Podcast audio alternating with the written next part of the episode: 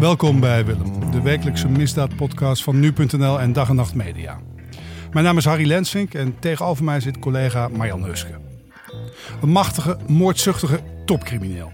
Dat is de heersende mening over Willem Holleder. Maar is dat beeld terecht? We vragen het aan Wim van der Pol, misdaadjournalist en hoofdredacteur van Crimesite. In zijn onlangs verschenen boek Holleders Onderwereld schetst hij alternatieve scenario's voor de moorden. Uh, welkom Wim. Ja, hallo. Hoe goed ben jij met, uh, met Willem Holleder?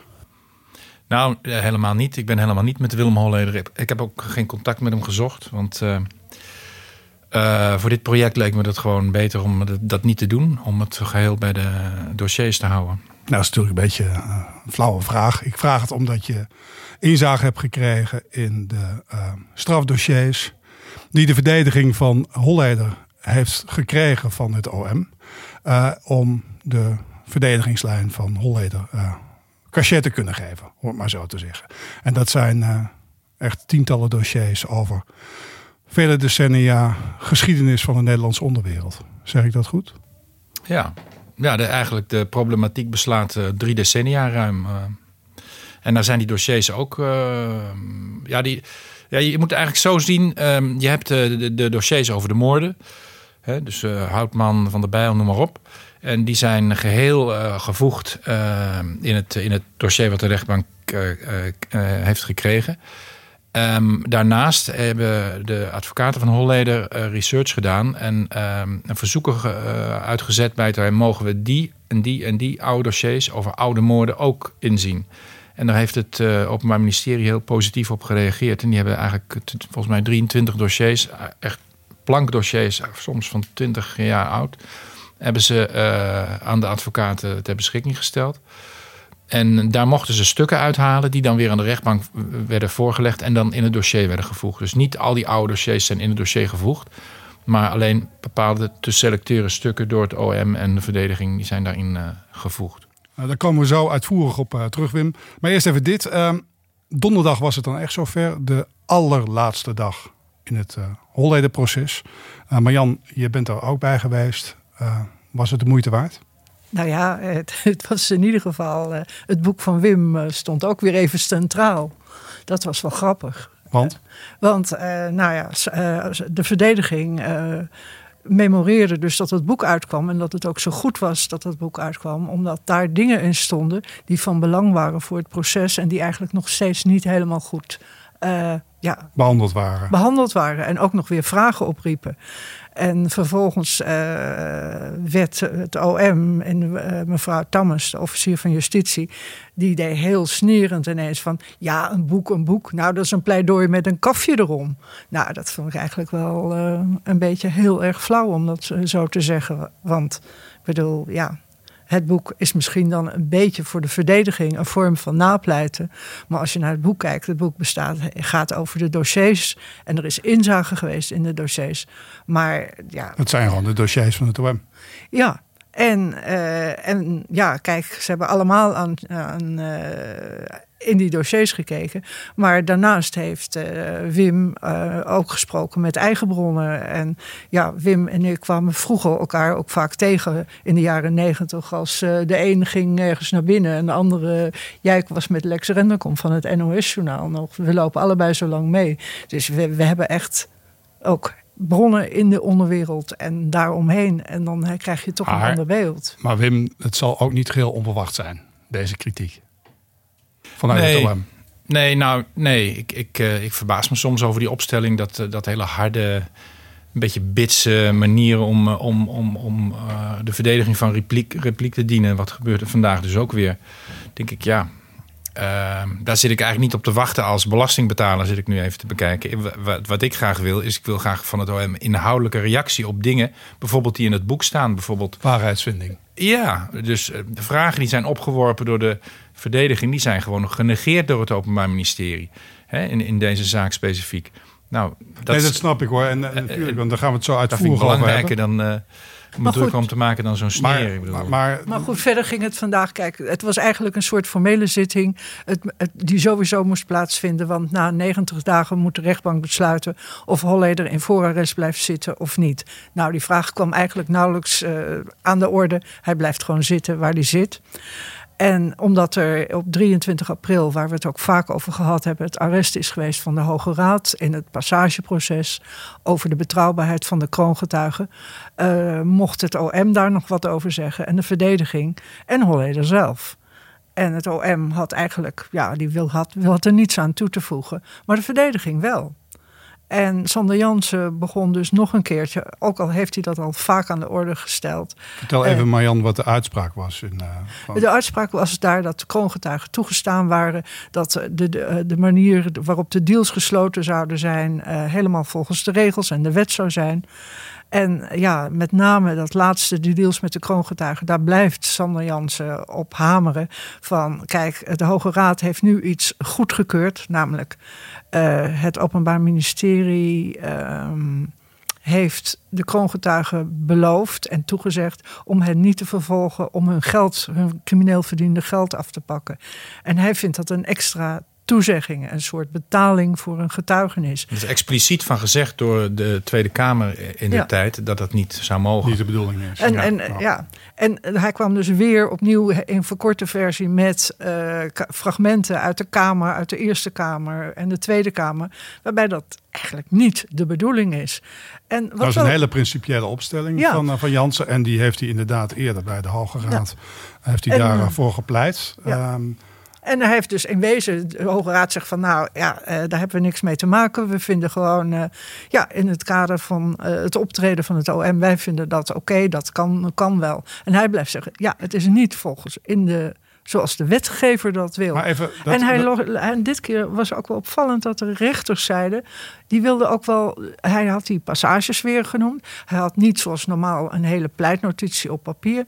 Maar de rechtbank wilde wel die passages hebben.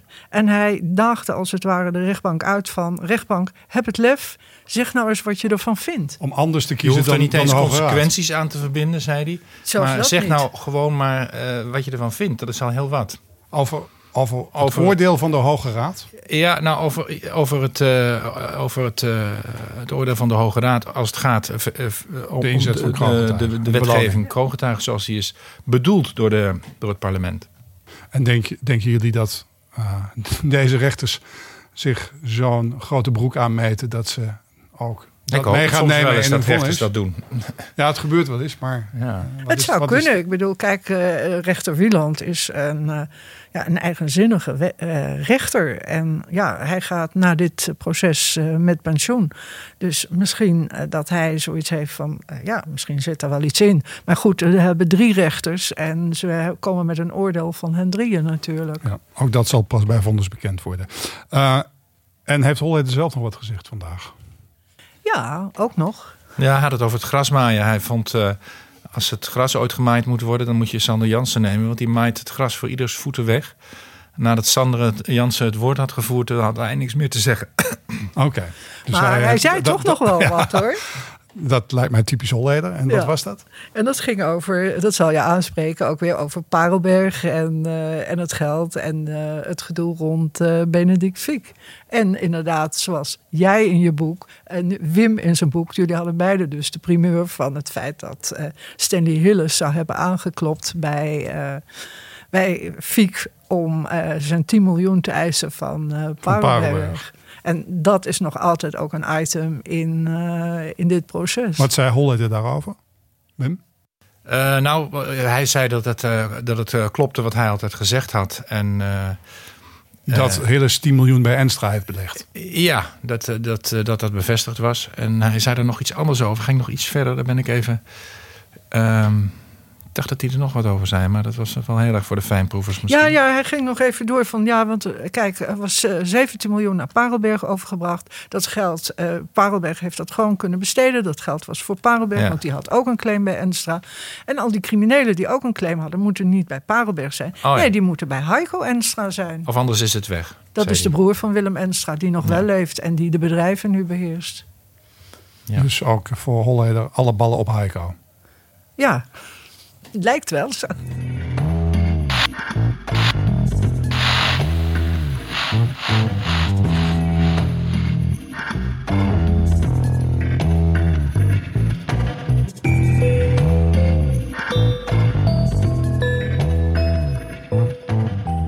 Hey Wim, terug naar je boek. Ehm, je kan wel zeggen dat je een minderheidspositie inneemt, denk ik. Eh, in de zin van dat je op basis van de verdenking, verdenkingen die er liggen tegen Holleder je afvraagt of dat wel deugdelijk genoeg is. Je bedoelt die- in de pu- publieke in opinie? de of publieke in opinie, ja. ja. ja. ik denk dat de tros van Nederland zal denken, Holleder die hangt.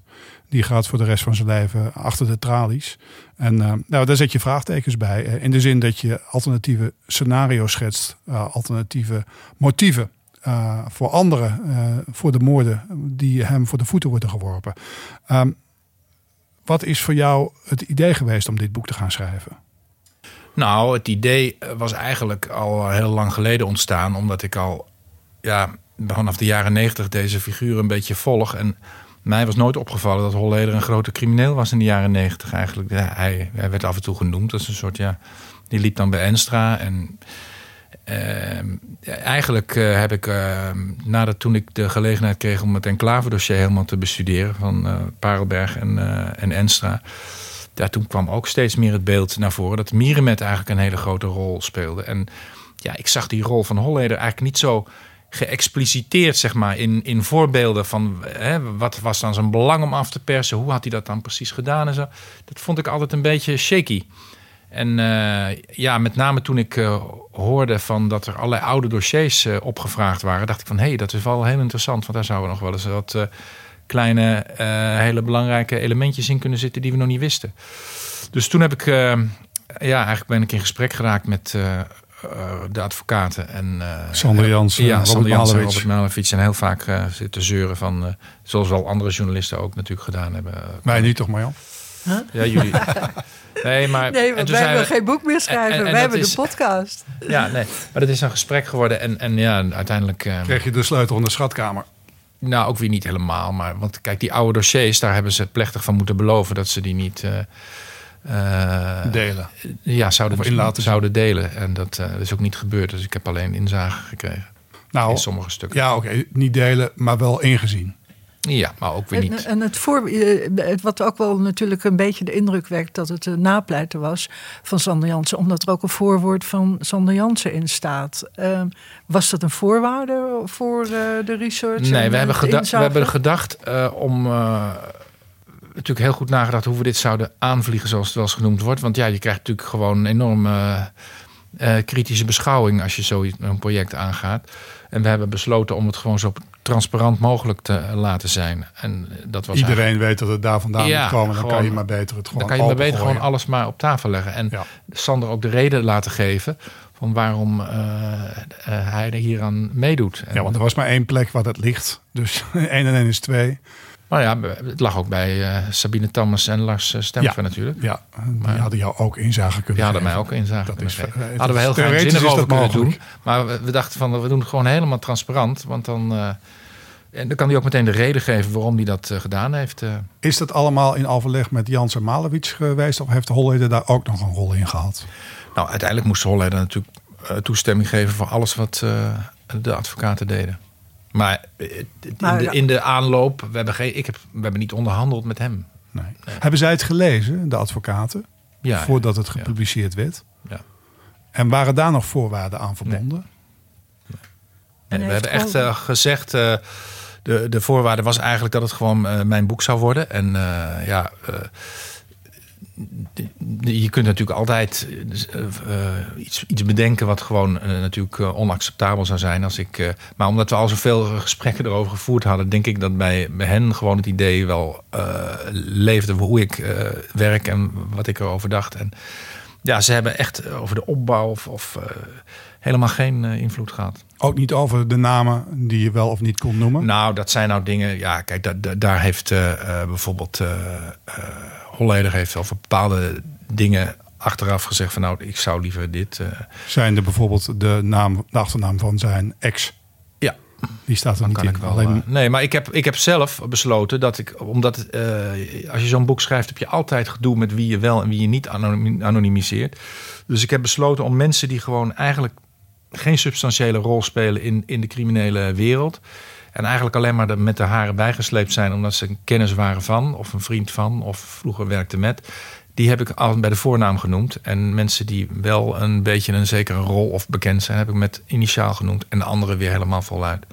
Dus dat heb ik allemaal zelf eh, bedacht. En eh, ja, kijk, hij, dat is eigenlijk de enige gevoeligheid eh, die hij had. Ja. eh, jullie zijn er beide veel bij geweest, Marjan en jij, bij zittingen. Ehm, als je nou kijkt wat jij in je boek hebt ehm, ja, bij elkaar gebracht en beschreven, is dat dan op onderdelen wezenlijk anders dan wat Jans en Malewitsch eh, de afgelopen anderhalf jaar naar voren hebben gebracht? Nee, niet, eh, niet erg veel eh, verschillen, denk ik. Behalve dat ik het anders. ehm, ja, ik heb hier en daar wat, wat dingen meer naar voren laten komen. En kroongetuigen heb ik het natuurlijk allemaal niet zo heel erg veel over gehad. Het hele passage gebeuren heb ik eh, weggelaten. Ja, ik heb ehm, ook een soort eh, indeling gemaakt van. ehm, je, moet- je moet natuurlijk nadenken over hoe je dat gaat opbouwen. eh, Of je per moord gaat behandelen. Want het was. Een collega van mij zei: ga, je gaat dus niet eh, per moord eh, alles eh, behandelen. Toen heb ik eh, gezegd: nee, dat ga ik juist niet doen. Want ik, ik wilde gewoon die geschiedenis ook vertellen. En dan uiteindelijk uitkomen op wat is er nou eigenlijk. Gegeven die hele context in die hele geschiedenis.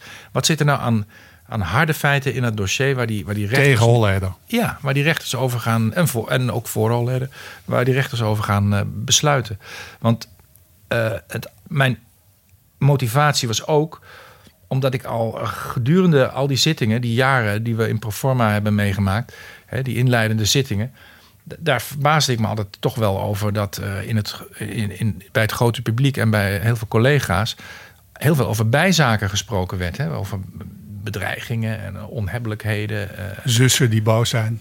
Zussen die boos zijn. Ja, maar ook echt strafbare bedreigingen die Holleder eh, heeft gedaan, kennelijk. En die dan bij RTL eh, werden ten, ten gehore werden gebracht, bijvoorbeeld. Nou, dat waren eh, natuurlijk belangrijke dingen. Maar wel in essentie natuurlijk bijzaken. Want het ging steeds Niet over die vijf moorden natuurlijk. Hè? Nee, dat is wat je inderdaad eh, En- in je boek ook hebt. En daar wilde ik naartoe werken om dat gewoon eens eh, gewoon goed te analyseren ook. Dus waar ik, dat was eigenlijk een andere motivatie. Om eens een beetje al die rook weg te laten... eh, Gaan. op te laten Ja. stijgen. En even te kijken wat er dan overblijft aan, aan harde feiten in het bewijs. En dan ben je gaan kijken naar feiten, naar... eh, Dingen die het eh requisitor... Ik heb het hele requisitor ook lang, langsgelopen uiteindelijk. Om te kijken of ik niks gemist had. Eh, niet gehaald hebben. Dingen die het requisitor niet gehaald hebben, daar heb je naar gekeken. Of Ja, of ik nog iets kon. Maar ik heb ze in ieder geval ge- ge- de requisitor zo bekeken dat ik. eh, of eh, geanalyseerd of ik niks eh, heb laten liggen. in wat belastend was voor Holleder. Want dat was natuurlijk een valkuil die, je, die je zou kunnen. eh, ja, ja, in die zin, je- ja, ja. En, maar nu is het OM volgens mij ook door de verdediging wel verweten de afgelopen periode dat het aan cherrypicking heeft gedaan. Hè? Ja, Dat zeker. ze alleen maar hebben gezocht naar belastende feiten voor Holleder en daarbij de big picture. En het uit het oog zijn verloren. feiten uit de context. Ja, maar Je, kijk, wij hebben die dossiers niet allemaal gelezen. Je zou ook kunnen denken, eh, hè, ik vond het heel spannend om te lezen wat je hebt opgeschreven, maar je zou, ik, ik weet niet of dat ook niet een vorm van cherrypicking is. Ja, ja dat zou je. ehm, ja, dat, dat denk ik niet eigenlijk. Want ik denk dat, eh, dat er. eh, de dingen die er. Ik heb niks weggelaten aan wat ik aan belastend bijvoorbeeld over Holleder. eh, ik heb één keer ben ik heel erg geschrokken. Dat, eh, toen had ik een. eh, in, in de Barsoom-affaire had ik iets weggelaten. Wat, wat Holleder had zich in opdracht van Hilles of in overleg met Hilles had hij tegen Ambarsoem laten weten, volgens eh, zijn dien- dienstrunner, dat de dreiging uit de lucht zou zijn tegen, tegen Barsoem. Dat had Holleder laten weten. dit, begrijpt niemand. Nou, nee, precies. Nee, dat is moeilijk, moeilijk. Ja. Mag die ja, Bassoen? ja, de maar het was gewoon Magdi Bassoum is iemand een- die vermoord is en Ja, die ik- lange tijd als een soort co-between tussen twee strijdende partijen stond. Ja, ja. En, en ook praten met de politie. En ja, die eh, probeerde het op te lossen, maar het lukte niet Nee. helemaal, geloof ik. In ieder geval, ik heb me, ik heb er, eh, ehm, ik heb me echt ehm, moeite gedaan om, om, om te zorgen dat ik niet iets zou over het hoofd zou zien wat, waar ik mee om de oren geslagen zou kunnen worden. Eh, weet je, door iemand die wel uh, uh, kennis daarvan heeft. Want dat is natuurlijk gewoon, je begeeft natuurlijk wel inderdaad op, op gevaarlijk gebied. Je moet wel zorgen dat je, dat je onafhankelijk blijft. Maar dat heb ik volgens mij wel gedaan. Ja, ik moet je complimenteren. Ik, ik vind het eh, het boek. Een boek dat iedereen die een beetje geïnteresseerd is in deze materie zou moeten lezen. Al was het maar omdat je daarmee het, uh, het andere geluid, het tegengeluid hoort. Uh, wat juist zo belangrijk is om die context te begrijpen. en dat je ook ziet dat toch dat hele verhaal van het OM toch een stuk minder solide is dan het klinkt. Ja, weet je wat, wat ik bedoel, kijk, cherrypicken en cherrypicken kan je op twee manieren doen. Natuurlijk doen advocaten ook aan cherrypicking. Maar ik bedoel, als je inderdaad echt ontlastende dingen weglaat, dan. Uh, ja, zo'n verklaring van een Peter Petersen, hè, die dan ook. Wat de politie gedaan heeft, uh, ja, blijkt. Dat, dat, ja. ja, dat er bij processen verbaal dingen er gewoon niet in staan. Dan heb ik echt zoiets, dat vind ik verbijsterend. Ja, vond ik ook verbijsterend, ja. Ja,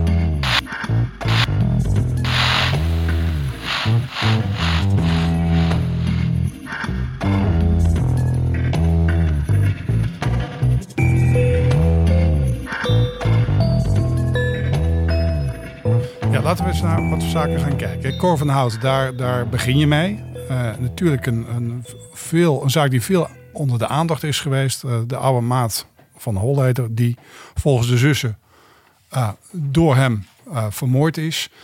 En waar het uiteindelijk het OM een zaak van heeft gemaakt. Maar niet een zaak als je ernaar kijkt en ook in, in de behandeling, waar heel veel feitelijke informatie over naar boven is gekomen. En jij hebt een alternatief scenario geschetst waarbij een andere vijand van Van Hout zomaar is de daadwerkelijke moordenaar zou kunnen zijn. Ja, nou vier ongeveer, hè? precies. Precies, vier, andere personen, Al, dan niet in samen. Uh, in ja, die zaak van, van Hout die heeft eigenlijk de meest dramatische lading gekregen. Want het was namelijk zijn oud gabber. En uh, Willem En schrijft op de achterbank die, die fameuze quote van... Uh, dat Holleder zou hebben gezegd van...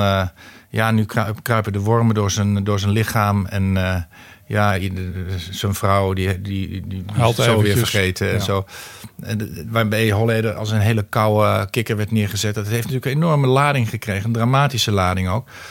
En, um, en, en ja, dat is ook de, de, de kern van de beschuldiging van de zussen eigenlijk. Zij zeggen dat uh, Cor van Hout door uh, Holleder om het leven is gebracht. Je weet wat ik met Corretje heb gedaan, dat hebben ze legio keren gezegd.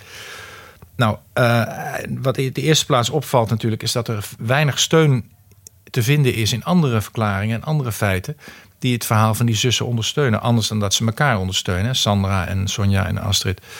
Sandra den Hartog dan, de ex van Holleider en Klepper. En uh, wat er dus de afgelopen jaren uh, is gebleken, is dat er, er maar vier alternatieve scenario's eigenlijk in andere dossiers dan dat van uh, Cor van Hout besloten hebben gelegen die zijn door die oude dossiers eigenlijk naar boven gekomen. De belangrijkste is de, zijn de, is de dossiers over de aanslag en de moord op Gijs van Dam. Dat was een hele goede vriend van uh, Cor, maar ook een zakenpartner van Cor van Hout. Een drugshandelaar. Een drugshandelaar waarmee hij in de hash zat. En uh, verschillende hashlijnen had lopen nog, tot, uh, tot eigenlijk tot aan zijn dood, denk ik, vermoed ik wel. Eh, in, dat, in die dossiers blijken gewoon aanwijzingen te zitten over, uh, ja, over dreigingen van anderen dan, dan Holleder. En het meest opvallende is trouwens dat Holleder eigenlijk door verschillende getuigen helemaal niet genoemd wordt in eerste instantie als score van Hout doodgeschoten wordt. Dat is natuurlijk ook niet zo gek, omdat in het milieu iedereen dacht dat de eerste aanslag op Cor van Hout in 1996 en die in 2000 door Klepper en Mierenmet uh, was veroordeeld. En daar zijn ook goede aanwijzingen. En daar zijn hele goede aanwijzingen, ook in dit dossier eigenlijk nog veel meer zijn ervoor gekomen. Uh, getuigen als Ad van Hout, de broer van Cor. Uh, Thomas van der Bijl. Uh, hoe heet het? De, de andere, de Remmetje, de Rem. Die hebben allemaal gezegd... De halfbroer. Ja, de, de halfbroer. Die hebben allemaal gezegd... Ja, die, die, die John, die Schelen of die Kankershon, die, die, die heeft dat gedaan. Maar goed, zeiden ze direct na de, de moord. Er waar eigenlijk geen enkele aanwijzing was er naar Holleder vlak na die moord. Nee, maar Holleder was natuurlijk wel een periode ook heel dik met John Mierenmet. En dat is natuurlijk ook wel wat het OM probeert te schetsen in de ja, maar kennelijk, aanklacht. Kennelijk is, waren die, die organisatie. Getuigen, die getuigen waren er niet anders dan dat hij bij Mierenmet gelopen had en veel contact met Mierenmet had gehad. Die, niet dat hij een motief had. Nee, maar er waren geen mensen die zeiden van de Holleder is, zit erachter. Dat is pas gekomen, wat je dus ook nog een keer weer herhaalt, is nadat uh, Enstra, de Enstra-tapes van de politie, die ook, dat zijn ook de tapes waar ook letterlijk een kafje om is gedaan. Ja. Die iedereen heeft kunnen lezen. En vanaf dat moment worden veel meer vingers naar Holleder gestoken. Ja, dus uh, je kunt zien dat er bepaalde uh, zaken als een soort van stimulans gewerkt hebben. Die verklaringen van Enstra bijvoorbeeld, die hebben uh, heel erg uh, doorgewerkt. Want een heleboel mensen hebben die natuurlijk gewoon tot zich genomen. En, zijn, en het als waar aangenomen. Als waar aangenomen. En dan zijn de getuigen die daarna komen zijn altijd wat minder betrouwbaar. Bijvoorbeeld in januari 2005 heeft zes... heeft Thomas van der Bijl natuurlijk ook uh, uh, dat verklaard 2005 in, over dat uh, Cor de, door de Holleder dood is geschoten. Dat zijn toch ook dingen die opvallen, omdat hij eerst zei dat Mieren met hem ja, had doodgeschoten. Dan komt Enstra voorbij. Komt Enstra. En wat er ook nog speelt op de achtergrond is natuurlijk dat Mieren met zelf heel erg kwaad is gaan spreken over Holleder. Die heeft een hele serie verklaringen in België afgelegd bij de politie. En is allengs uh, negatiever over Holleder gaan verklaren. Maar dat schets je ook heel goed. De belangen die Mierenmet kan hebben gehad om Holleder uh, in een negatief daglicht uh, te, Ja. te zetten. de, de, de strijd die er tussen hen was, maar ook de financiële belangen die daar speelden. Um, dat heb je, daar heb je heel veel aanwijzingen voor aangetroffen in de verschillende dossiers. Wat eigenlijk veel meer aannemelijk maakte dat Mierenmet in meerdere van deze liquidaties een belangrijke rol heeft gehad in ieder geval in die strijd ook een belangrijke rol heeft gehad. En dat dat ook onder meer in de uh, Enstra-zaak uh, is ondergesneeuwd. Of dat het door Enstra en Mieren met zo is gespeeld dat zij zelf minder uh, verdacht werden en minder Ja. crimineel te boek zouden komen. En dat alle ballen op Holleder qua werden gericht. Ja, Holleder. En kijk, wat erachter, wat eigenlijk de conclusie is die je kan trekken, is dat er op de achtergrond uh, een soort touwtrekkerij geweest is tussen aan de ene kant uh, Stanley Hillis en aan de andere kant uh, en ook Holleder had natuurlijk een positie daarin. over het uitbetalen, hè, wat mensen die geld wilden hebben van hun investeringen bij Enstra. En daar is, daar is wel oneenigheid over geweest. En daar verklaart Min Kok ook heel duidelijk over. Dat, dat eigenlijk Enstra en Holleder in een soort spagaat zaten tussen die twee toch wel vrij krachtige figuren. Tussen zowel Mierenmet als, Mierenmet en uh, Hilles. als Hilles. Ja. Die allebei op dezelfde tijd hun geld wilden hebben. Ja, precies. En de een wilde van de ander niet uh, dat, uh, dat er betaald werd. Want je legt er als het ware een schil nog overheen. Hè? Je hebt dan die conflicten rond de inleg bij Enstra tussen criminelen die er dichtbij zitten. Maar het lijkt wel alsof daar boven overheen nog een schil ligt met belangen waar Hilles uh, in ieder geval een rol speelt. En ook uh, het buitenland zijnde uh, criminelen uit het voormalig Joegoslavië. Ja, die zijn er ook nog, ja. Er zijn... Uh, um, het is voorstelbaar. Er zijn, er zijn aanwijzingen voor, uh, hier en daar te vinden, maar het is nooit echt heel erg hard gemaakt. Dat ook uh, Josic, die uh, in Amsterdam vroeger een flinke rol speelde, dat hij mogelijk ook financiële belangen bij Enstra had, of, ofwel zelf, ofwel via een Übereinstimmen met, uh, met Hilles, uh, zeg maar.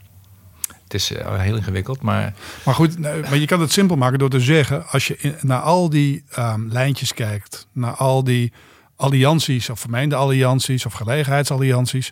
dat Holleder daar niet die grote rol in lijkt te spelen die het OM hem toedicht. Nou, precies. Dus als je de, de hele geschiedenis gaat reconstrueren uh, naar het uh, vermogen van Enstra toe, waar toch een heleboel om te doen uh, is geweest, dan kom je erachter dat Holleder eigenlijk een, een, hele kleine of geen rol gespeeld heeft en dat andere spelers een veel grotere rol speelden. Dat is een van de meest opvallende zaken.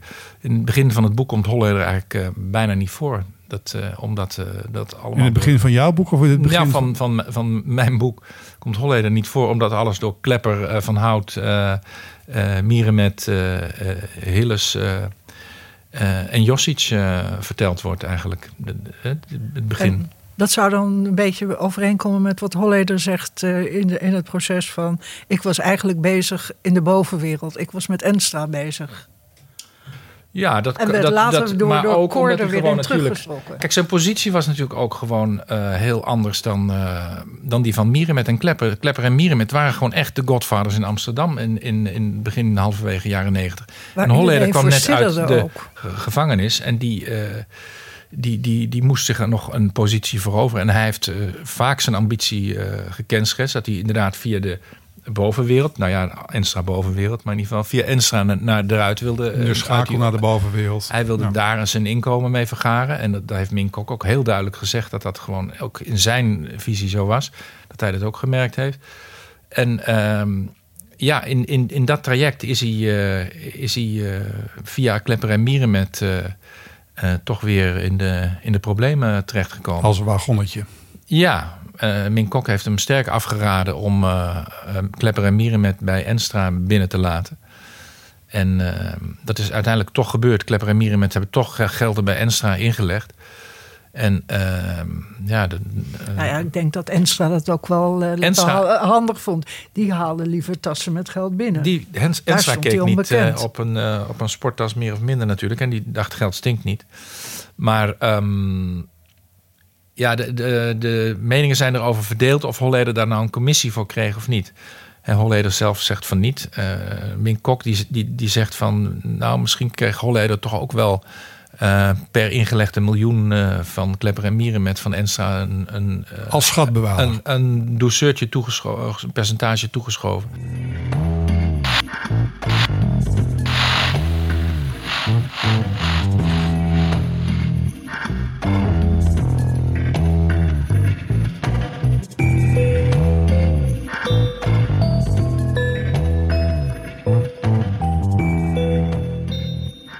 Wim, dat, de- je schetst een heel zwart beeld van Enstra. Ook dat vond ik onthullend. Eh, natuurlijk weten we allemaal eh, dat Enstra eh, op grote schaal geld heeft aangenomen uit, uit het milieu. Um, maar je zit hem ook wel echt neer als een, de ultieme schaker. Uh, uh, Ja, uh, nou, koudbloedig, Enstra kil. is heel erg als een, uh, als een witte raaf neergezet. Gewoon door de omstandigheden en door de informatie die naar buiten kwam. Die hij zelf naar buiten heeft gebracht. Die hij, hij zelf ook Oh ja, onder een bepaalde regie ja. naar buiten bracht, zeker. Ehm, maar wat nou blijkt uit die oude dossiers bijvoorbeeld... is dat er al voor eh, de eeuwwisseling eigenlijk aanwijzingen waren... dat Enstra de, een grote financiële man van al die jongens was. Hè? Dus zegt de, een van de getuigen die daarin in optreedt... iemand die... eh, eh, voor de CIE toen eh, mensen heeft eh, gerund, zoals het heet, en informatie heeft vergaard. Die zegt, eh, ook tegen de rechtercommissaris recent nog in de Hollederzaak, dat Enstra eh, voor die grote jongens eh, voor de eeuwwisseling al gewoon een van de grote eh, figuren was, die in ieder geval de financiële zaken regelde en zelf ook een rol speelde. En bijvoorbeeld op grote schaal diamanten uh, witwaste. Dat zijn toch uh, dingen die wisten we eigenlijk niet over Enstra. Dat die... Maar maakt dat, maakt dat het perspectief op de zaak tegen Holleder anders? Dat je weet dat Enstra een groot, grotere boef is dan we dachten? Nou ja, als je kijkt uh, naar de rol van Holleder... en dat die relatief eigenlijk misschien wel niet zo groot was... als we allemaal hebben gedacht... dan past daar ook het beeld bij dat Enstra eigenlijk uh, een veel meer een player was... en een strateeg was dan we allemaal uh, vermoeden. Hij was niet alleen maar een vastgoedhandelaar... hij was ook gewoon echt wel een actieve crimineel hij kende natuurlijk gewoon vanaf de jaren tachtig al, uh, al, die, al die mensen. En, die later enorm groot zijn geworden. ja, drugs. en hij is natuurlijk, dat, dat schrijf ik ook in het boek, hij is gewoon nooit vervolgd eigenlijk. Terwijl er best wel veel aanwijzingen waren dat hij toch betrokken was met, met, die, met die grote ecstasy. Uh, netwerken ik weet precies in het begin inmiddels van de hoe dat in 90. elkaar zit. Sorry? Ik zeg, ik weet precies hoe dat inmiddels in elkaar zit. Ja. Want daar ben ik onderzoek naar Ja. aan het doen. Maar daar ga je Ja. zeker niks over vertellen. Nee, dan moet je even wachten tot het boek af is. Ja, Um, maar goed, dat, eh, oké, laten we dat voor waar aannemen. Maar um, dat uh, laat onverlet. Enstra is doodgeschoten. En laat onverlet dat Holleder daar uh, uh, niet een rol in zou kunnen hebben. Dat Holleder daar een rol in zou ja, kunnen dat hebben. zou. Nee, maar wat ik bedoel te zeggen is. Um, je schetst een hiërarchie waarbij er kopstukken zijn uit die onderwereld die boven Holleder staan. Dat is duidelijk in je boek van hij zou, maar eens, hij zou zomaar eens een onderknuppel geweest kunnen zijn. Niet die grote jongen die het OM probeert af te schilderen. Uh, maar ik heb ook het idee dat het OM juist met die nadruk op die criminele organisatie Ja. dat probeert te ondervangen door te zeggen, ja, ook al heeft hij in de zijlijn maar een rol gespeeld, als hij in heeft geweten van die moorden en daarmee heeft ingestemd of daar een, een beslissing over heeft kunnen nemen, dat is dan genoeg. Ja, dat is natuurlijk uh, het cruciale punt van het driemanschap en uh, het, het, kennis hebben van, uh, van belangen die er hebben gespeeld. dat is natuurlijk een soort panacee waarmee het Openbaar Ministerie probeert in ieder geval bewijs rond te krijgen. Als, er bijvoorbeeld aan motief, als het aan motief schort, kunnen ze altijd zeggen van nou, we hebben een driemanschap, die had een gemeenschappelijk belang om, om, om iemand te laten vermoorden. Dus als Holleder dan niet het motief had, had het driemanschap het wel. Zo kan je het natuurlijk oplossen. Maar um, daarom is het denk ik heel erg belangrijk dat die context uh, gegeven wordt. Om ook, de, ik bedoel dan die geschiedenis van de, de, de, de groei van de positie van al die uh, mensen door de jaren heen. Die laat zien met meer nuance wat nou precies de positie van Holleder in, in dat hele schaakspel en dat netwerk is geweest. En daar mag de rechtbank dan over concluderen. Maar mijn conclusie is in ieder geval dat uh, het beeld van de man, de topcrimineel, die een beetje zo aan de touwtjes uh, trok. En die zoals uh, Mierenmet heeft geschetst in de krant de he hele macht in de onderwereld wilde overnemen. Da daar kan geen sprake van zijn als je naar de feiten kijkt. Je bedoelt, op dat moment was Stanley, Stanley Hillis nog de baas van de onderwereld. Zeker, en, en, en daarvoor en, bedoel, waren Klepper en Mier met de baas. heb je ook heel veel lijntjes natuurlijk. Dat eigenlijk achter al die moorden die genoemd worden... is eigenlijk wel een schaduw van Stanley Hillis. Nou, Stanley Hillis heeft ook... We hadden het net over Cor van Hout, over alternatieve scenario's uh, naar Cor van Hout. Hillis is een van de mensen die door uh, genoemd is als een... Uh, als een bedreiging van Cor van Hout met een motief ook om, om het leven te brengen. Het is een heel ingewikkeld verhaal. Ik zal het proberen heel snel uh, en kort uh, te formuleren. Op een gegeven moment is er een, uh, moest Mieren met een betaling doen aan een Joegoslaaf van 10 miljoen euro. dat geld is door Holleder aan Hilles overgedragen en die zou het aan de Joegoslaaf overdragen. Nou heeft het er alle schijn van, daar zijn flink veel aanwijzingen in het dossier voor, dat dat geld uiteindelijk niet bij de Joegoslaven is terechtgekomen, maar dat Hilles dat geld in zijn zak heeft gestoken. Uh, een van de dingen die door een getuige wordt beweerd over Hillis... is dat uh, Cor van Hout in een al dan niet dronken bui uh, heeft gezegd tegen Hillis... ik weet dat jij dat geld in je zak gestoken hebt. En als jij niet uitkijkt, dan ga ik dat aan de grote klok hangen. Nou, Eigenlijk is, een soort chantage van, van is, Hout van Hillis. een soort onbehouden actie ja. naar, naar Hillis toe... waar Hillis mogelijk Het best wel heel erg had. boos en... nou, Holle, en, of, Van Hout. Wat? Van Hout had dat patent op om anderen te beledigen. Ja, die te daar beledigen. onbekend. Ja. Ja, Ja, hij heeft maar, hem ook, maar eh, ook, vieze ook oude chanteren. stinkkerel Dit was ook eh. een soort vorm van chantage natuurlijk. Hè? Tuurlijk, ja. Afpersing, Ja. onderlinge afpersing. En, eh, En dat dat dus een motief zou zijn geweest voor Hillis om uh, Van Hout een kopje kleiner te maken. dat zegt iemand uh, die, die toch wel tot de intimie van Cor van Hout gerekend kan worden, heeft dat gezegd. En ja, er zijn mens, mensen, als ik het moet geloven, wat getuigen vertellen, voor minder om het leven gebracht door, door Hillis. Dan, dan dit soort bedreigingen. De koude ouwe. Het is dus allemaal Ja. waar wat er over hem is gezegd en geschreven. Nou ja, dat weten we dus niet, omdat uh, dat is nooit goed uitgezocht door de politie. En dat is natuurlijk een ander element in, in het boek, hè, wat dat naar voren komt. Als je alles op een rijtje zet, dan zijn er um, een paar hele rare dingen uh, komen naar voren. Namelijk dat, ondanks dat er best veel bewijs tegen Stanley Hillis is, is hij nooit voor afpersing of liquidaties uh, echt vervolgd, voor de rechter gebracht. was wel een onderzoek naar hem, hè? Gooi ja. Ja, maar wacht even, een onderzoek is wat anders dan voor de rechter Zeker. brengen. En, en dat, uh, dat is toch een belangrijk onderscheid. En Enstra ook niet. Daar, daar waren ook. En wat zegt van... jouw onderbuikgevoel daar dan van? Nou ja, de, de, de, je kan de vraag stellen of uh, alle geruchten over, um, over corrupte contacten in Amsterdam. Uh, of, dat, of die misschien toch bij Hillis hebben gelegen voor een deel. En dat Hillis misschien dat heeft aangewend. Hè? Ook een soort dreiging, afpersing van de jongens. Als jullie tegen mij beginnen, dan heb ik nog een paar verhalen in de kast liggen. En daar worden jullie niet blij van. Dat, weet ik niet, maar dat is wel uh, connecting the dots op een, uh, een vrij aannemelijke manier, uh, denk Je ik. Je bedoelt, hij had contacten met een, met een, groot iemand bij de inlichtingendienst en men hield elkaar in evenwicht. Omdat de criminele inlichtingendienst bedoel je, of de, de, Ja. de politie. de politie-inlichtingendienst. Ja, dat is een soort Ja. reservoir dogs, hè, dat je Ja. elkaar met informatie onder schot houdt. En en daardoor een soort balans in de krachtsverhoudingen uh, genereert of laat voortbestaan. Uh, waardoor je niet vervolgd wordt in ieder geval. Ik denk dat dat. Uh, anders is het niet te verklaren, namelijk. Want er is bijvoorbeeld over Hilles.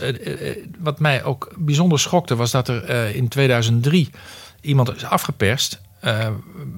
Waarbij de rechercheurs gewoon echt getuigen waren van de afpersing. Man heeft zijn auto af moeten geven, geld af moeten geven, juwelen af moeten geven. Heb je dat beschreven? Ja, staat in het boek. Dat, dat heb ik gemist. Wie was nou, dat? dat was in 2003 is een uh, crimineel, een compaan, oud compaan van Hilles en Min Kok doodgeschoten. Jules Yi heette die. Oh ja, ja. En uh, een, een, vriend van, van Yi, die, oh, ja, die, je, die daar werd door Hilles, die Hilles kwam aan de deur bij hem en die...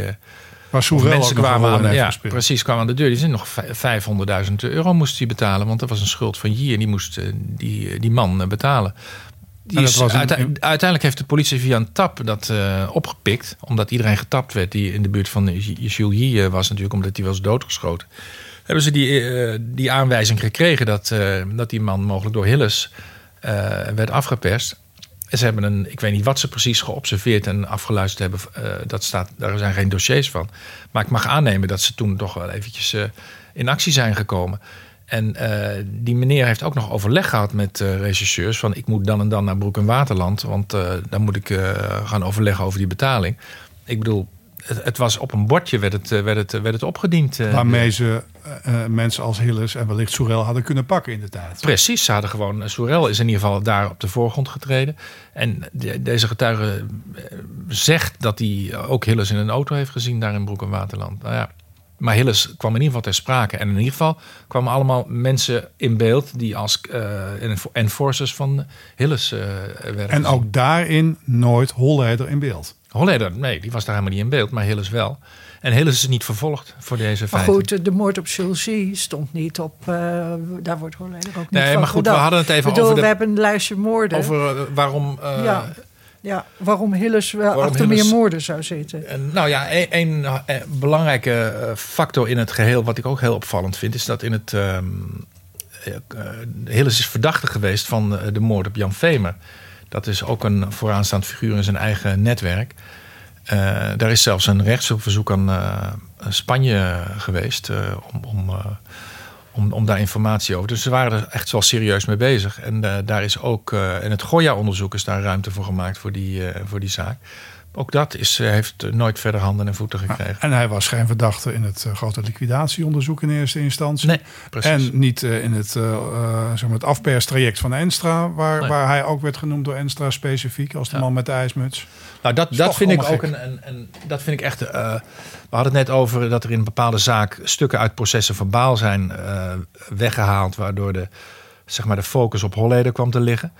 Eh, het gegeven dat eh, de achterbankgesprekken van Enstra zijn gelekt naar de media eh, met een kafje eromheen als een boek uitgebracht. En in het Kolbak-dossier, het afpersdossier tegen Holleder, als centraal bewijsmiddel en belangrijkste bewijsmiddel een rol zijn gaan spelen. Terwijl Hilles daar gewoon helemaal buiten is gelaten. Dat vind ik toch ook wel echt, echt wel best wel verontrustend. Het is, het is heel raar dat je die achterbankgesprekken opdient. eh Enstra als een soort, alleen als een soort vastgoedhandelaar neerzet. Eh, alle, het hele krachtenveld daaromheen met Mierenmet, eh Josic, Hilles vergeet. Ehm, en, en het allemaal aan naar Holleder schuift. Dat is toch En heb je daar een begin van een verklaring voor? Is dat dan puur geweest omdat Hilles ehm, het gezicht van, van, van die onderwereld was geworden voor het Openbaar Ministerie? Het kwaad wat bestreden moest worden? Nou ja, kijk, de verklaring geven is altijd. Kijk, die, die, die, ehm, die hypothese over die corruptie, dat is één. Maar je hebt natuurlijk ook een heleboel prag- pragmatische overwegingen eh, gehad door de jaren heen. Want ja, ze moesten natuurlijk op een gegeven moment ook zaken voor de rechter brengen, rondmaken. Dat is een andere overweging geweest. Maar ehm, als je nou kijkt naar de verklaringen eh, van bijvoorbeeld Maria Houtman eh, in, in het. In De het- weduwe op- van Kees Houtman. de weduwe van doodgeschoten Kees Houtman in 2005. Die- daar komt, als je het goed leest, op bepaalde momenten komen daar elementen in voor. waarin zij zich. eh, waarin zij laat zien dat er uh, voor bepaalde mensen uh, dat je daar bang voor moet zijn. Dat je niet alles zomaar kan gaan vertellen. En dat ging dan niet over Willem Holleder. Dat was ook wel helemaal duidelijk. Dat ging over, uh, ging over Hilles. Dat ging over Hilles. waar haar man een veel grotere crimineel dan naar buiten is gekomen in de tijd. Ja. eh, ruzie mee had. Nou, er zijn aanwijzingen inderdaad dat, eh, dat er, dat er eh, spanningen, dat Hilles ook met Houtman een, eh, een appeltje te schillen had. Ja, ja zeker. En er zijn zelfs aanwijzingen dat er eh, informatie is gekomen ehm, vanuit de boezem van mensen rondom Hilles naar Houtman voordat hij is doodgeschoten. Ehm, die niet op tijd bij Kees Houtman is terechtgekomen overigens. Maar er, waren, er was wel informatie dat er iets met Een Kees ex, Houtman een zou ex kunnen. van Hilles. En, Ja, ja, zou een kunnen gebeuren. Vriendin. Ook uit de, de hoek van Hilles. En dat doe je ook heel goed. Sorry even. En dat doe je ook heel goed met Van der Bijl, vind ik. Eh, in die zin van, je schetst daar ook... Wat we ook wisten is dat Van der Bijl ehm, toch nog aardig diep in de georganiseerde misdaad zat. Eh, we wisten dat hij bezig was met, eh, met, met drugshandel. Maar volgens mij heb je daar ook toch wel meer informatie over gevonden in de dossiers die je hebt mogen raadplegen. En dan zie je dat het toch wel echt heel serieus was, de jongens waar hij mee in zee was. En dat die ook wel een motief zouden kunnen hebben gehad om hem eh, Laten we- uit het veld te ruimen. Ja, dus als, je- als je dus op vrij voeten komt en je hebt met eh, wat was het, 2000 kilo hash. En je bent eh, in een netwerk bezig met echt hele grote transporteurs en, en investeerders. Dat is gewoon aangetoond. Dat zit gewoon in dat Artemis-onderzoek. Ja, dan, dan is er in ieder geval onderzoek- daar, uit die kant toch een Dat was motief het om. drugsonderzoek naar eh, Van der Bijl een- en ja, consorten. dat is- ja, dat is toch een, een reuze groot motief eh, geweest. eh. En ja, dat is. eh, Ja, maar vanuit die hoek wa- was men ook echt op zoek naar de deal die Van, de, van der Bijl had gesloten. ja. Dat is gewoon ook wel bekend bij die mensen. Maar wat, wat, wat, wat in ieder geval in, eh, in die hele geschiedenis ook eh, heel interessant is, is ik, eh, het, spier, het woord Spiegelpaleis heeft Sander Jansen wel eens genoemd. Ik noem het ook in het boek. En dat is gewoon echt eh, eh, een belangrijke notie die bij je binnenkomt als je er allemaal over, over nadenkt. Dat het soms eh, lijkt alsof het zo zit, maar dat het ook wel heel goed net andersom kan zijn. Bijvoorbeeld. er zijn een aantal motieven te geven over waarom Cor van Hout doodgeschoten is. Ehm, dat is bijvoorbeeld een Marokkaanse groep uit Utrecht, waar Gijs van Dam eh, ruzie mee had. En waar eh Cor van Hout zich tegenaan had, zou hebben bemoeid, volgens een niet de minste getuige. Ehm, en nou, een, een, een, een, een, een, gedoe met, met een Chinese eh, man die geliquideerd is in Amsterdam Noord. Maar het kan ook heel goed zijn dat er een, een belangenovereenkomst is geweest tussen bepaalde groepen van zijn jullie die van hout ook niet zat. Hè? En, en dat er misschien door verschillende mensen is gedacht van nou, zullen we die nou niet eens een keer eh, liquideren. Dat zijn allemaal dingen die, zijn niet uitgezocht, maar zijn wel heel voorstelbaar. En ook ehm, in de manier waarop die netwerken eh, hebben gefunctioneerd, wat we daar nu van weten, is dat eigenlijk eh, best wel een, een, een voorstelbare gedachte. Dat er soms niet één opdrachtgever aan te wijzen valt, maar dat er misschien wel meerdere mensen een belang hadden om iemand uit het, eh, eh, van het bord af te halen, om het cynisch te zeggen. En dat, dat doe je eigenlijk bij al die moorden. Eh, schets je alternatieven. En wat je nu zegt, soms meerdere combinaties van alternatieven. Ehm, maar feit blijft dat het geheel wordt Holleder ten laste gelegd. En nogmaals, ik zei het net al, die Ja. organisatie. En die organisatie wordt eigenlijk ook het motief gegeven voor al die moorden. Ja. Eh, dan kan je natuurlijk wel overal een eh, alternatief scenario naast zetten. Maar kan je ook een alternatief scenario naast dat geheel zetten? Nou ja, kijk, het eh, is een gegeven dat Holleder met uh, Mierenmet is omgegaan. En dat hij ook met Soerel is omgegaan. En dat hij ook met Stanley Hillis contact heeft gehad. Um, da dat zal denk ik de crux worden in, in het hoger beroep in ieder geval. Um, in, in de discussie over, over Holleder. Omdat uh, het gaat er natuurlijk om... om al of niet te kunnen bewijzen of er een gemeenschappelijk belang was en of dat driemanschap heeft bestaan. Hè? Of uh, in hoeverre hij kennis heeft gehad van, uh, van bepaalde Of ze het dingen. besluit hebben genomen zonder of met hem. Of ze een besluit hebben genomen uh, zonder of, of, met hem. maar kennis hebben is natuurlijk ook al een, eigenlijk een strafbare omstandigheid. Eigenlijk als je weet dat mensen, je houdt er verder je mond over dicht.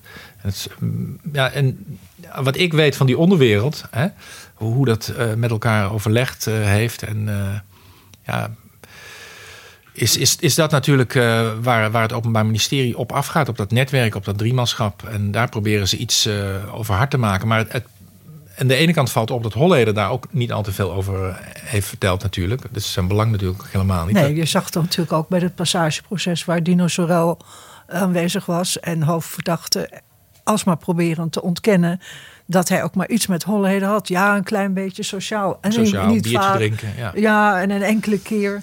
Ja. Dat zei ik ook nog tegen je, Marjan. Ja. Toen, we, ik, eh, toen ik je, je boek las ik, eh, en ik belde met Jan en ik zei van... Nou, wat ik, als ik dit nu lees, dan denk ik, ja, Holleder... Had hij het allemaal verteld op zitting? Was het Ja. lekker met deze materie, met deze Ja, maar stukken? dat, dat, dat is denk ik een. een, een eh, als ik Holleder was, als ik me in Holleder zou verplaatsen, zou ik kunnen denken dat dat een mijnenveld zou kunnen zijn. Omdat je dan, als je omstandigheden gaat noemen, hè, waarbij je misschien wel eh, samen opgetrokken bent, eh, dan, dat je dan eigenlijk. Je denkt dat hij achter, nu nog bang zou zijn dat hij dan omgelegd zou worden. Nee, nee, nee. Ik denk meer dat, dat je dan munitie zou kunnen geven. Of dat hij zou denken dat eh, hij het Openbaar Ministerie munitie zou kunnen geven over. Eh, ja, je hebt dus wel meer contact met Sorel. Ja, maar wacht. wel meer contact met zou Hilles. kunnen. Of wel meer contact met Mieren met gehad. Maar dat Ja, lag maar er dat maakt allemaal. toch niet meer uit? Want, want Mierenmet is dood. Sorel heeft levenslang gekregen. Nee, maar eh, Wim bedoelt dat, dat je wel die samenwerking en die criminele organisatie daarmee Precies, dat je daarmee bevestigt. da- munitie en voedsel geeft aan het idee dat er een, eh, een gezamenlijk opereren was. Of een meervoudig contact elk- was, meer dan we nu weten. Alles meer dan vriendschap is voor hem niet gunstig. Nee, niet dat gunstig. is wat je zegt. Nee, dat maar tegelijkertijd, eh, dat ligt er wel allemaal. Want wat jij hebt geraadpleegd, heeft het OM ook helemaal uitgeplozen. Nou, en dat is ook het zwakke punt natuurlijk. Hè? Dus dat het Openbaar Ministerie eh, eh, begint te juichen als ze een opname hebben waaruit blijkt dat eh Holleder en Hilles en Soerel met elkaar hebben overlegd in twee instanties over, over geld wat bij Enstra eh, zat, of dat, dat bij Parelberg zat. D- Ja, dat, dat, is, dat is het door de Telegraaf fatale biecht genoemd, geloof ik. Maar, Ja, maar dat en, is en dat vinden zij natuurlijk ook eh, een, een, een hele harde aanwijzing voor, dat, voor, de, voor die samenwerking in het driemanschap. Alleen ja, als het bij één instantie blijft hè, en je kan er verder eh, niks aan plakken of aan, dan, dan is het weer toch weer een geïsoleerd feit. En, maar en daarom denk ik ook precies om dezelfde reden is Holleder heel voorzichtig met details op de dissen uit eh, contacten die hij vroeger met Hilles en Soerel heeft gehad. Ja, goed, er zitten ook observaties in het dossier waar buiten, waar dus ja, justitie en rechters al gezegd hebben van ja, jullie hebben zoveel contact, dat lijken wel zakelijke contacten. Dat je samen gaat bellen en Ja, dat soort dat dingen. zit er al in. Dat Ja. zit er ook in. Ja. En dat is meer dus dan alleen die, eh, Ja. dat, dat codeciel Nee, van eh, ja. Peter de ja, Vries. dan zegt Wim weer, het gaat van om Willem. moorden. Ja. Ja, goed. Nou, en dat gaat ook om die, die afpersing natuurlijk. Dat was natuurlijk ook. eh, dat ging dan weer om die 17 miljoen met die eh, opname met Parelberg. Ja, ja Maar het gaat om moorden, inderdaad. Dat is ook je, hebt ook, een. eh, eh, nou ja, je, je hebt ook een, eh, een flink aantal alinea's gewijd aan Parelberg. Wat Marjan net al zei, we hadden beide ook. Ik heb een boek gemaakt over Parelberg. Ook daarin die verwijzing naar die miljoenen die um, zou hebben opgeëist bij Parelberg. Maar ook, je hebt gekeken opnieuw naar die zaak. Hè, Enclave, je noemde hem net al, het onderzoek naar ehm, eh, eh, de manier waarop Parelberg zou hebben witgewassen eh, voor Holleder. Ook dat eh, ja, lijkt nu toch ook wel dat er volop aanwijzingen zijn dat het toch echt anders is gegaan dan het OM heeft geschetst. ja, het is. eh, En als je dat toch heel beschouwt, en wat jij hebt geschreven, zo'n Parelberg-casus, zie jij dan ruimte voor herzieningen of een andere conclusie dan de meest voor de hand liggende conclusie? Holleder wordt overal verantwoordelijk voor gehouden. In de Parelbergzaak. In de Parelbergzaak, in de Hollederzaak waar nog een vonnis in moet komen. In de Parelbergzaak waar hij strijdt voor een herziening. In eh, de zaak van Soerel waar het gaat om, eh, nou ja, mogelijk ook een herziening waar, waar zijn eh advocaten Nou, naar zou, zoeken. ik zou de Kolbakzaak. Als, als ik de Kolbakzaak. de Holleder heeft er natuurlijk niet zoveel aan. Maar als je die nog eens een keer over zou moeten doen. Hè, wat ik net al zei over dat eh, die achterbankgesprekken zo'n cruciaal eh, element eh, geweest zijn. Als je daar alle informatie naast zet die we nu weten, dan is die zaak natuurlijk toch een beetje gebouwd op zand, zou ik zeggen, in, in veel opzichten. Dus het zou waar kunnen zijn dat Holleder zegt: Ik heb gelogen in de koolbakzaak. En dat heb ik alleen maar gedaan om mijn ja, zussen buiten nou, schot te houden. Met wie hij op dat moment dus een criminele organisatiezorg had. Omdat ze gezamenlijk over dat Heineken-geld uh, zich ontfermden.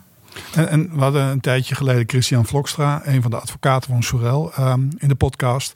En die zei van ja, er zit nog zoveel dynamiek in, in, in deze dossiers.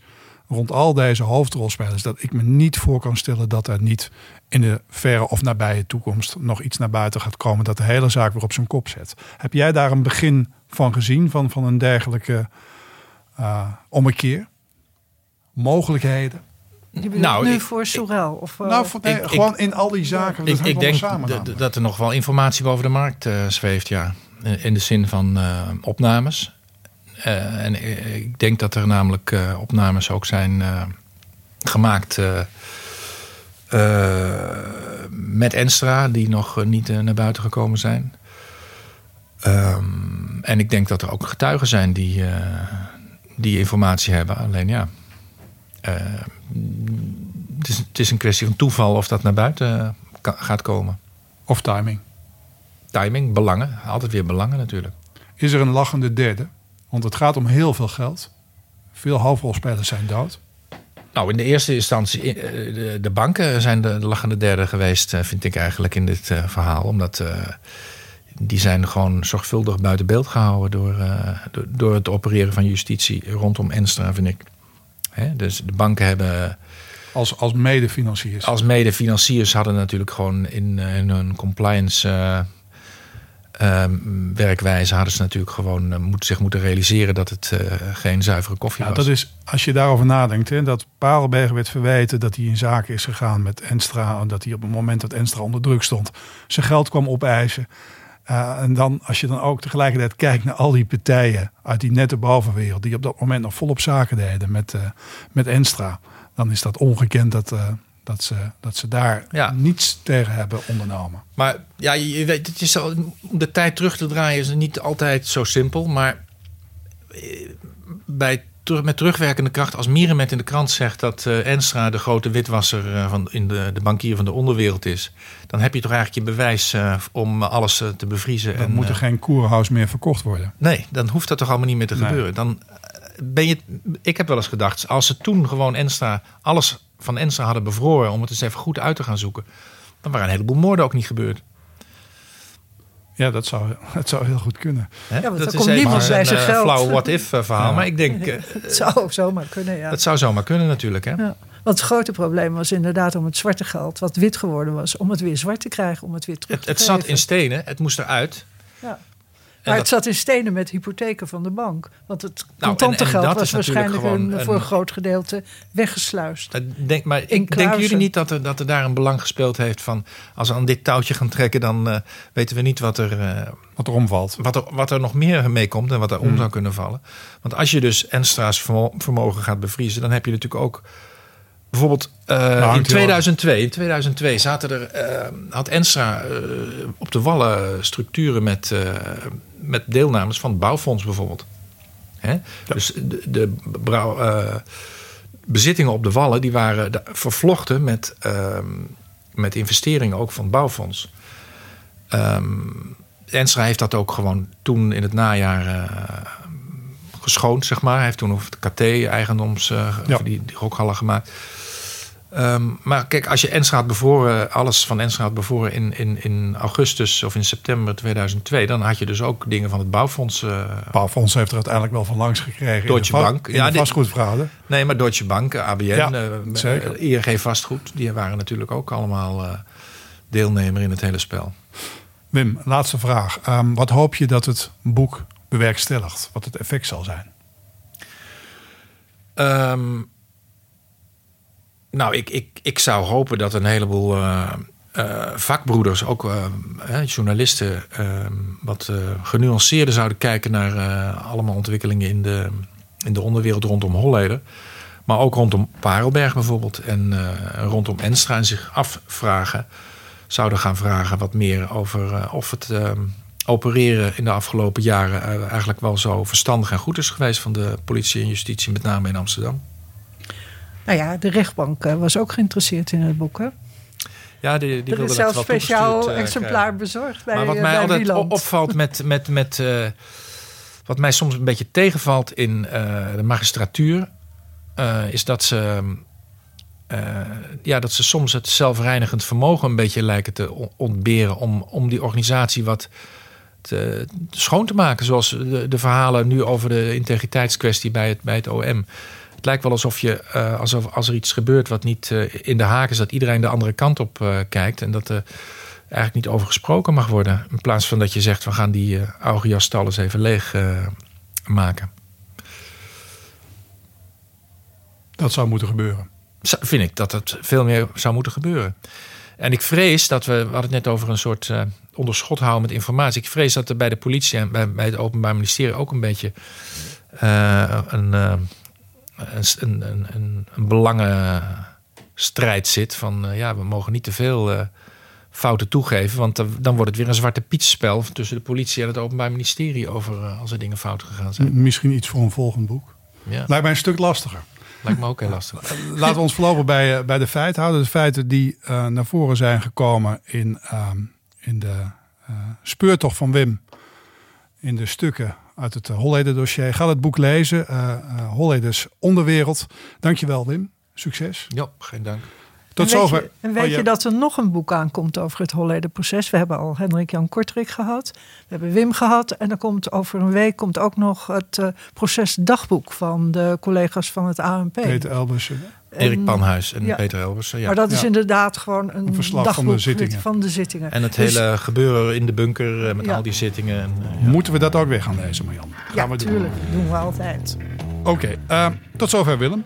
Eh, de rechters gaan nu hard nadenken over wat ze met Holleden moeten. eh, en komen in juli met hun vonnis. Dat zeg ik goed toch? Juli. 4 juli. Ja. Eh, wij zijn de volgende week weer met achtergronden bij ander nieuws uit de onderwereld. Ondertussen kunt u een abonnement nemen op de Willem Podcast via iTunes. En heeft u vragen, dan horen wij het graag. Ik ben Ed Harry Lensink op Twitter. Marjan is Ed Huske Marjan. Mailen mag ook naar vragen@dewillempodcast.nl. Dank voor het luisteren en graag tot volgende week.